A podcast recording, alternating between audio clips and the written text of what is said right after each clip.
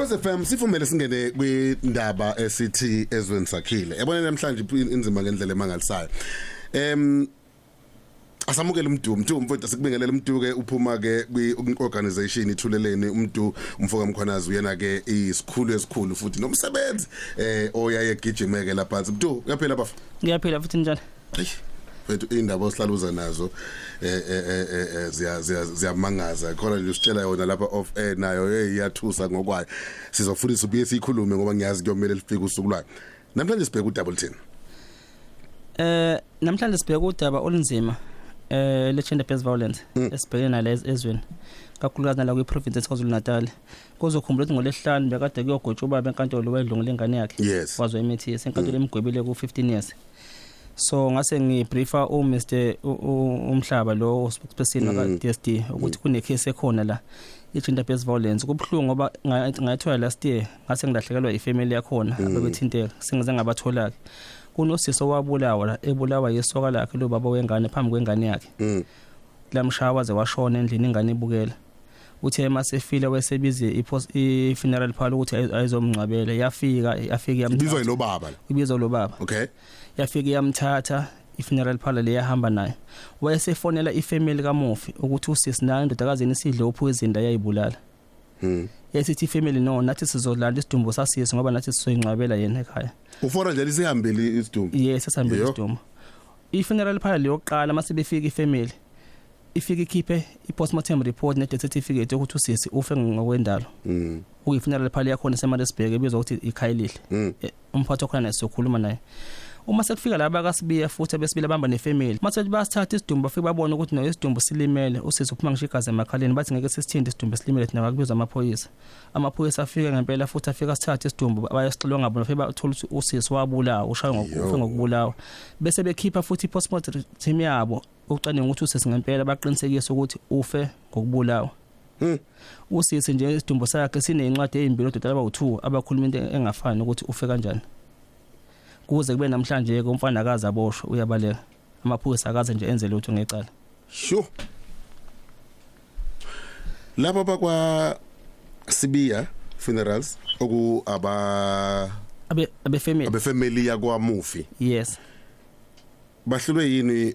Mhlawumbe ngizobuza ngithi bahlulwe yini ngabomu but akuyona lokho kodwa ngizama ukukusho ukuthi bakhiphe iste certificate esishoyo ukuthi hayi hayi thina masimbheka. Eh angazi uma ibona abanelungelo lokubhekana noma i-postmortem ngobani. Akafanga ngalokho ufe ngokushaba. I-report ephumayo eyi-postmortem report ephuma government esho ukuthi usisi ubulewe bathi mase beya ka-home affairs u-home affairs ngeke ukhiphe itifiketi eziwu-two zomuntu oyedwa ngoba ususikhiphile sokuqala. Shaya ikhali eh bros Eh, be- bengisazama la u- u- udadewabo kaMufi eh kodwa si- asinokho ukungatholani kodwa ke ngicabanga ukuthi mhlambe ke asi- sizobuya nje ngomzuzwana No, it's- sisibuya na- nabasemakhazeni. It's fine. Uma ukuthi asimtholi yena ngoba vele umduso esibekile i- i- i-story nalokho ze FM sikhuluma ngodaba la eh kunezinsolo zokuthi eh owesifazane eh owayebe nesithandwa sakhe lesibe nengane eh washaywa. Lo wesifazane waze washona ngokwezinsolo ezikhona phambi kwayo ingane lena. Emveni kwelokho utheke lo okusolwa ukuthi umbulali wabeke esefonela i- amakhaza akhe alanda lo okusolwa ukuthi ke eh ungowesifazane bethandana naye amusa lapha um, abagcina khona. Baze kwenziwa isitifiketi esikhombisa ukuthi ushone ngokuyi- ngo- ngokwendalo umuntu ukuthi u- um- umphefumulo uyihambele ngokwendalo. Kanti abakubo kama- kwantom- kwantombazane lo noma umakoti wakhe bazothi nabo no sinawethu amakha amakhaza singafisa ukuthi simlande thina siyifihlele yena. Maselandwa ke la sekunesitifiketi esikhishiwe esithi uyifele yena but kanti sinye iski- sti- ulaba uhome affairs usakwazi ukukhipha isitifiketi sesibili esithi ufe ngokushawa akho maphoyi akho case evuliwe kuze kube imali mhlawumbe ke sibhekeke ukuthi ke athini amakhaza. Sikhuluma ke nokhanyile wekhaya elihle funerals ukusola ukuthi bona bokuqala abalanda isidumbu baze bagcina kuphume i-death certificate ekhombisa ukushona kwalo. Sifile ngala sikhulume nabo khosini. I-Outsurance Funeral Plan ngumshwalense kamasingcwabisane ongawethemba. Zikhethela icover ekufanele esuka ku30000 rands kuya ku100000 rands. Ama claims akhokhelwa emahoreni angu24 ngemuva kokugunyazwa. Join umasingcwabisane ongahambe eqolo ohambelana nesimo sakho namuhla. SMS ufuneral ku44208. I-Outsurance Life umhlinzeki womshwalense nombolekisi wezezimali osemthethweni. Kunemgomo nemibandela kanye nemkhawulo. Sondela la hemadoda awuyazi indaba engikuphathele yona. Uyazi bekuzokwenzakalani ngaphandle kwakho la? Kungena SABC Sport olisilo isidingo iJemeli Fedcook Palace nama family meeting. Kungenamsakazo lutho. Dololo waka Eh kodwa ke mngani wami wenza izinto zenzeke. Ngoba ukhokhela uTV license wakho ekhaya nasebhizinisini. Siyakwazi ukuthi sithi Expresso Skim Sam Mbango Hectic 99 ne Live Amp kuze kuse. Jovicho Sicela ibambe kanjalo uqhubeke nokwenza into elungile. Sizokwazi ukuqhubeka siqophele intsha yesimanje umlando omusha. SABC TV licenses. Khokhe yakho. Yenza umehluko. Hello Khosi FM into zethu ke ayihlangana sigcina singamtholi ke udadewethu oyilungu lomndeni kodwa sivumeleke siye ke eh, kwikhaya elihle funerals balaphana ke eMaritzburg sikhuluma ke nomfoka Mkhize. Khabazela sikubingelele sibamukele kukhozi? Ibingelele baba ninjani? Eh kwakade umuzi Mkhize ngelo ubheke qobo lwakhe hey bakuletha la mngani wami wenzeni yeah okay mfowethu asikaleni a- a- asikaleni kalokho eh si si si si sine story la khabazela esikhomba ukuthi inkampani yakhe ikhaya elihle kube yiyona elande umufi esehlakalweni. Kwaze kwakuchicilelwa icertificate esimveza njengomuntu oyishonele yena. Kahle kahle ithini process yokulandwa komuntu kuze kukhishwe icertificate before usitshele ukuthi kwenzekani ngalolu suku okay iprocess ithi eh thina sike sifonelwe eh bese udriver osuke efikile lapho emndenini uyazibheka izimpawu ezisuke zi- zikhombisa ukuthi kukhona into errong esikuyenzekile. Uma ikhona kabe samthatha ukwacela ukuthi athintwe aba- kuthintwa bama ambulance bezobheka then bese kuthintwa namaphoyisa ukuze udaba lo handover emaphoyiseni. Mm nenze njani? Kule case ke safika eh udriver wethu umefika akukho lutho olalisolisa. Enye into eyi challenge umuntu ngishathiwa mhlambe esithi umuntu oshone emini uma ufonela ebusuku awukwazi ukudetermine ukuthi lo muntu beshone ngasikhathini. Uma kuthi kwakhona kwakwenzekile kusho mhlambe kwangeza ukuthi nobufakazi bese bucishiwe but kule case ke wafika walandwa and ngakusasa ekseni thina eh walandwa phakathi kobusuku. Then ngakusasa ekseni wafika udokotela okuyena ofikayo emotuary yethu ezohlonza isidumbu naye lo dokotela akukona ukuthi usuke ezoyenza postmortem akalenzi uqaqo kodwa uyasibheka isidumbu ukuthi asinama injuries yini. Ingakho ke akhipha incwadi ekhombisa ukuthi it looks like a natural causes. Then ke saphuma kanjalo ke certificate umfowethu lo kuyena wasibiza oyisoka likadadewethu lo. Wayekade emkhavile ipolicy yakhe up to date ngathina sa process claim senza yonke into. Sekufanele sihlele lezi into zobungcwabo then base wafika futhi sehamba nabanye osisi bakhe esethi cha abomndeni wakhe bathe nabo bebemdlalela kwasibiya bacela ukuthi athathwe aye kasibiya okuhle kakhulu ke dithame ethathwa babe khona abomndeni kakho wakhe usisi naye ubhuti ekhona sesibavulele futhi emotuary baqinisekisa ukuthi uye kwakungekho ama injuries nodokotela wabona ama injuries then 3 days later sesithintwa amaphoyisa ethi asethintwe abakasibiya kuthiwa umuntu kube limele okusho ukuthi ke uma elimele akalimalanga izandleni zethu na- thina simbonanga emakulimala kanjalo. So uma ukuthi waphinda waya ke government mortuary asinalo lwazi laloko asikuthola ke manje ngoba sesithintwa ngalelo daba kodwa into ebhlungu kakhulu lesithinta amagama abantu kodwa uma ukuthi senkantolo befanele lolu daba lungene kahle enkantolo likhulunywe kahle lingakhulunywa la einkundleni ngoba naye lo bhuti oyiclient lethu uma ukuthi iqala liyamlahla kodwa manje usenobufakazi ukuthi kunobufakazi obakhulunywa emsakazweni ukuthi ngempela ngempela ngaqinisekisa mina ukuthi wasuka kuthina emo- emotuary yethu kungekho phawu lelo gazi kuthiwa seliphuma amakhala asilibonanga thina Hmm. so akukho ngathi singakhona la esithi saba nephutha khona. Nginewa okay.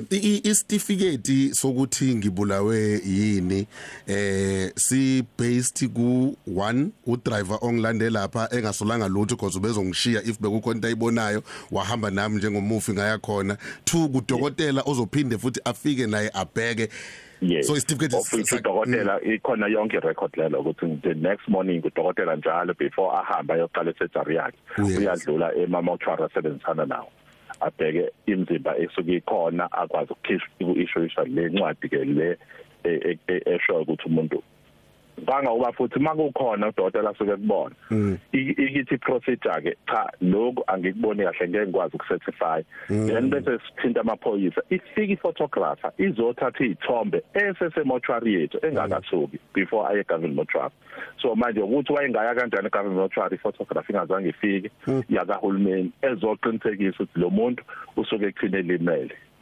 Sure. Lento isifana nje nama hearsays ku- kumina ngoba ngempela azange kwenzeke lutho while umzimba ukuthina. Sibonanga konke lokho. Bros go go. Kulungile mfethu usibiya eh, eh, funerals sokhuluma ngizophinde ngayo. ngimthole no ngayo khabazela mfethu siya- siyabonga ukuthi usinike isithombe eh, sokuthi ngokwenu kwenzekani. Eh, ubonga sibonga ukukhuluma nawe la kukhoza. Siyabonga mfowethu. Okay. Umuzi wakamkhize lowo ungumphathi wekhayelihle funerals ePietermaritzburg masibuya ngale emveni kweindaba zehora leshaka lombili soke sibheke eh, abakwasibiya funerals ukuyibona ke abagcine bebona lobo bufakazi okuyibona obusenza eh, namhlanje sikhulume ngodaba oseluzi insolo zokuthi cha kukenzeka ukuthi umuntu wayeshayiwe. Mm. Eh, oh Sotoba, sotoba sotoba yeah, sikubingelele Sibiya sikwamukele Funerals. kukhozi. Amthiya um rosary niyaphila bafowethu. Siyaphila mfethu kunjani? Hayi so shap shap shap shap ithi ngithole kahle igama lakho u- u- u- igama uba? Nguvusi wakasibiya. Vusi sibiya mfowethu ngexolisa kuyakubiza ngegama elirong lapha eh, ngiphambanise amagama. Sotobe usizwile istory futhi uyasazi ngendlela esenzeka ngayo. Ngaso eh siqeda ukukhuluma la nabakwa Khayelihle funerals abakubeka caca ukuthi nisithola nina eh, isidumbu sika Mufi sase right singena zinto boom sesiyabuya kuthiwa sesinegazi. Ya okay eh mthiya mfowethu ngiyacabanga ukuthi njenga nabaholi bomphakathi akufunakali sinislead ipublic ngento e- e uyabona la Rosary? Yeah umndeni lo esikhuluma ngayo owakanxumalo ufike kuthina wasicela ukuthi ucela seyolanda umzimba wendodakazi yakanxumalo ubangcwabi abasekhayelihle ayike ngenxa yokuthi ama client ethu sibese sibheka ke imniningwane esibhekayo sase sesithi cha asambeni ke ayolanda. Ayike ukabazela ke indoda ke sisebenzileke naye kakhulu nje la ku- ku- ku- kulomkhakha so ngibese ngithumela ke imoto ke uma isifika imoto khona ngifuna ubheke kahle ke la eh ukuthi angikwazi mina ukuyolanda umzimba ngedwa kufuna ube khona lo umndeni ozongisho ukuthi nanku lo dadewethu noma nanku ubhuti wethu cha fikwayo ngempela ke njengoba ngisho ukhabazela sesebenzile naye. Cha ukhabazela zangabe nankinga base becha bayawurelease umzimba. So ke uthathiwe ke umzimba. Ukhona udadewethu wakanxumalo ukho ukhona abakakhayelishe ukhona udriver wakasibiya wase ulethwa la kaSibiya uma usuka ke mfowethu eofisini la kakhayelishe uya la kaSibiya uma ngenzi mistake mhlambe nama robot uma evuliye kahle kungaba u4 kuya ku5 minutes. So ke uma ufika nje immediate la umzimba kumina ugogo o owakanxumalo nosiso yedwa kanxumalo they were they were seated and waited lapho umzimba. Babe sebecela ke ukubona umzimba. Immediately ke siwukhipha emotweni. Awungenile emoshwari siwukhipha emotweni. Then sawubeka kwi-tray sase sibiza umndeni. Umndeni wasuyawuvula. Ngifuna ukusho kucaca ukuthi ukhabazela akazange awubone umzimba phela ngoba wayekade ugqoksile wayizobona kanjani amabruise ase asentanyeni? Wayizobona kanjani ibruise esekhanda ngoba wawukade uphusongwe na nango blanket so it is impossible ukuthi angabona into engaphansi kwengubo. So umndeni we remove ublanket and we remove ingubo and then ama bruises ayela intanyeni ayesekhanda immediately ugogo wayesethi yilento ke bekade beyifuna ngoba they were not happy about i outcome yawaphayelishi izinto eziwu2 ababengekho happy ngazo ukuthi yisoka likadadewethu ebelichaze unondumisa. So bese bathi bona cha nabo banawo wabo umngcwabi. Ngeke bangatshelwe yiso. And it is alleged ngifuna unothe emthini ukuthi it is alleged ukuthi umndeni uyalisola iso ukuthi lona elenza lento. So normally so lithi ke mina nami if that is the case futhi nizibonele nani. Into esicela ukuyenza immediately akuyothola police station ene jurisdiction area yasekhaya. Ngihlala phi na? Hayi sihlala kamnyani cha ukusho ukuthi jurisdiction police area yenu iplaces leyo and then kwese kubizwa ke i-department of pathologist. Yini ke leyo nto kumthiya ile department esithi i-government mortuary hayi bathe befika same day ngalelo langa. And then mabemfika sangithi manje sesi sesi sesimcomplete babona amabruise entanyeni babona ekhanda and then immediately amaphoyisa kwayiwona ke manje afonela i-department. Ngoba kuyabonakala ukuthi this is the case. So ke kokuxaka ke thina ukuthi yabona nje lento iqiniso nje mthi alive alive libalekile kuyangidida nje njenento esho ukabazana ngoba into yokuqala wena mthi yemolanda umuntu ekhaya. Awukwazi uvela uthatha umuntu enoblanket uthatha umuntu umbone emsweni ukuthi unama bruise uyama ufonele amaphoyisa. So ke udokotela owahlonza umzimba okade usekhaya lithi definitely definitely. I can assure you akazange ubone umzimba. Akazange ubone.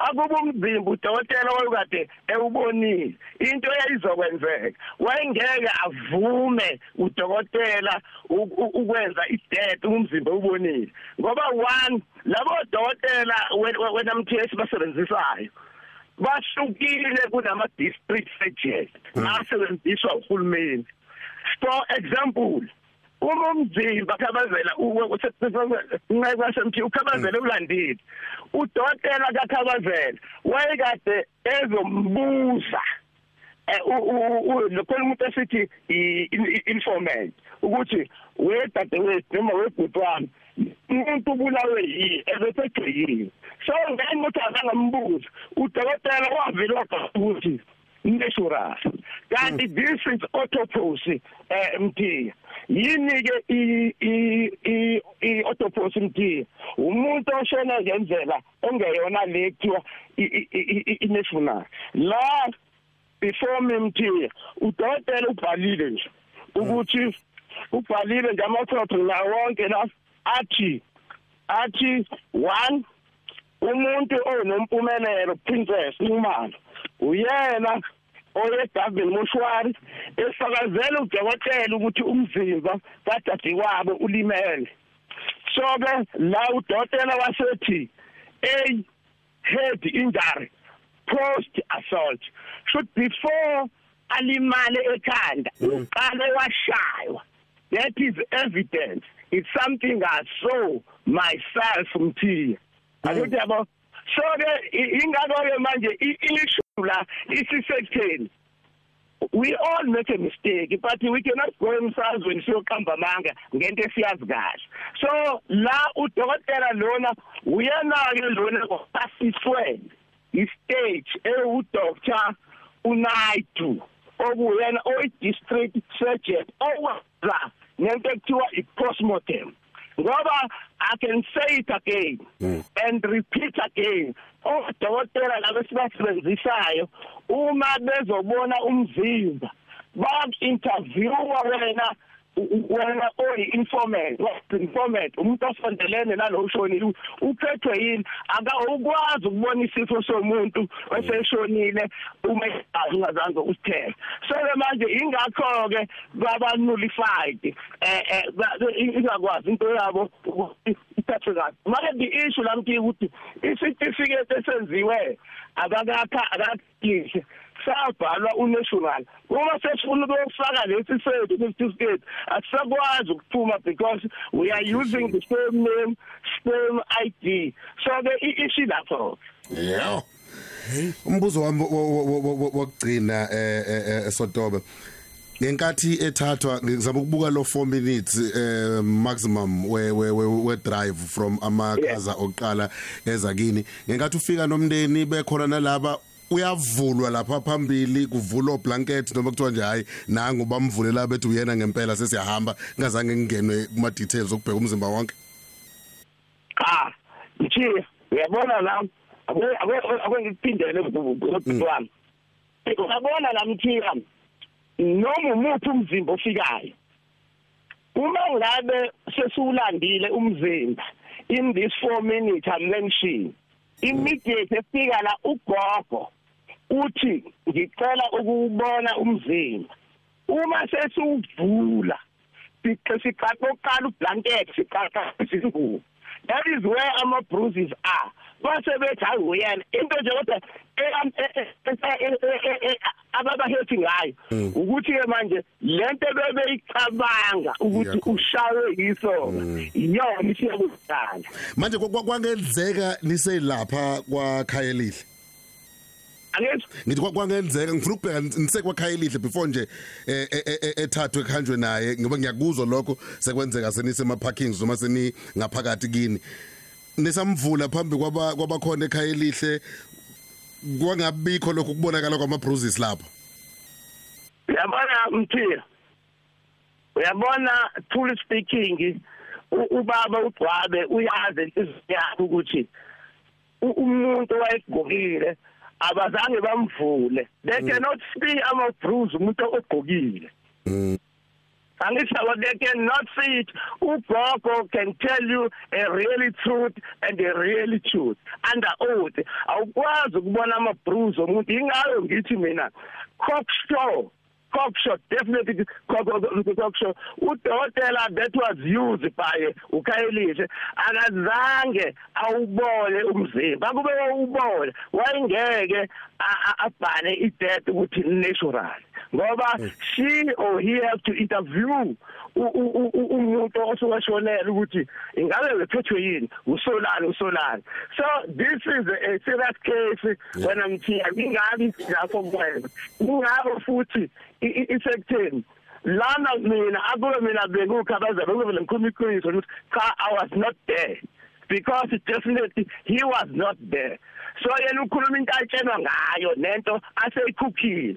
So office into wrong leyo. Akufanele isebenzise i-platform yomsebenzi wethu ngenxa yabantu abasuthekile thina yonke into sisenze la yingako nabaphoyisa ayekhona wayiwona futhi afonela i-government moshwari ukuthi moshwari ibuye izomthatha lo muntu. Kodwa at the end ithina esamfihla untombazana ngoba sabuya somlanda eGavin Moshwari sahamba futhi sayomthula.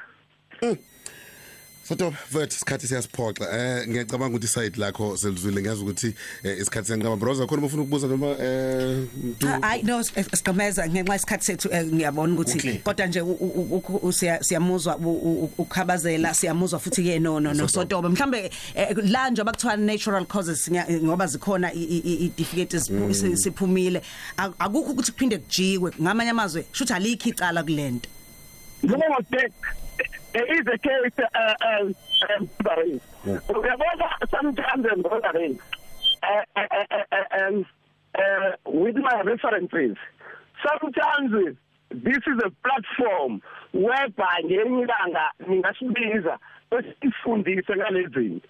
There is a case because udokotela he or he got no right ukishuwisha iBI 16663 without viewing a body. Mm. the doctor have to view a body in order to concur with what she saw. So nami ngiyakwenza nabanye bayakwenza. It was just accidentally ukuthi sekufuna ukublame someone else ngenxa yento ezithile ekubeni iqiniso libonakalile ukuthi umndeni yini eyenza ukuthi they have to remove umzimba lapha because they were they were not here for in outcome you see. It's, it's very simple. Sothoba siyabonga kakhulu mfowethu ukuthi ube nathi ukhosini FM namhla kuseni. a pleasure is mine mfowethu ngijabula ngangena and futhi ngicela mfowethu umtshele umndeni wanqumalo ne organization if they need me to come and testify before the court of law i will do so with my pleasure. Okay. Khuluma nomngani wami lapha eh, usisi Abigail ummeli. Uthi yeah it's a serious case indeed. Um Unzima bafethu. Kunzima kakhulu. Esizwelana nje nomndeni wakanqumalo omkhatshwa ngokudlulelwa indodakazi yabo futhi siyivala nenyanga. Yabantu besifazane sizokhuluma ngodaba lobhlungu kanje.